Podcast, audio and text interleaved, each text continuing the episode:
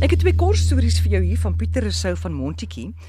Hy sê voor my huis teen die hoofstraat in Montetjie staan 'n groot boom waarvan twee takke afgesaag moet word. Nou dis nie takke nie, dis takke. Die Vrydag aand voor die daad moet gepleeg word, lê ek heel nag wakker en bedink Hoe op dese aarde gaan ek dit doen? Kom staan Saterdag staan ek en Jeremy, my tuinhulp, en beloer en beplan hoe ons die taak gaan aanpak terwyl ons nog so in stil sweye onder die boom staan. Kom hier 'n bakkie aangevlieg. Daar spring 'n jong man uit. Hy sê: "Oom, my naam is Gert Boom en ek sal die boom vir oom verniet afsaag." Jong en Gert haal daar 'n petrolsaag uit en hy saag daai takke af. Tjoef tjof. Ek en Jeremy het nou nog boom bomskok.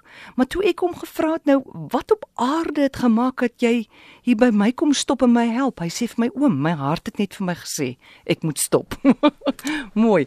En dan sy ander storie.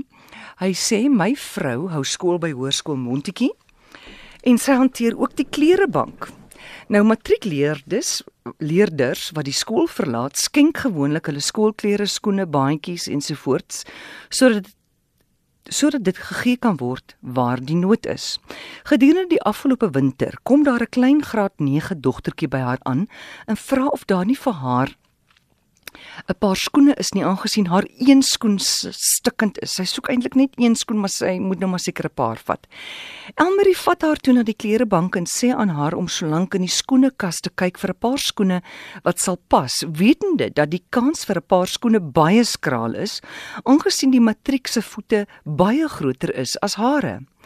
My vrou was nog so besig met die een of ander ding toe sy die dogtertjie hoor sê: "Juffrou, kan ek maar die enetjie kry?" Elmarie sê op daai oomblik het sy koud geword. Ons weet nie hoe om hierdie emosie te beskryf nie, want in haar hand hou die dogtertjie 'n skoentjie vas wat Elmarie al lankal wou weggooi omdat dit nie 'n pasmaat gehad het nie. Daai skoen was presies presies dieselfde grootte kleur en styl as die een van die dogtertjie wat stikkend was. Ons praat baie oor hierdie voorval en probeer daaroor rasionaliseer maar daar is net een gevolgtrekking.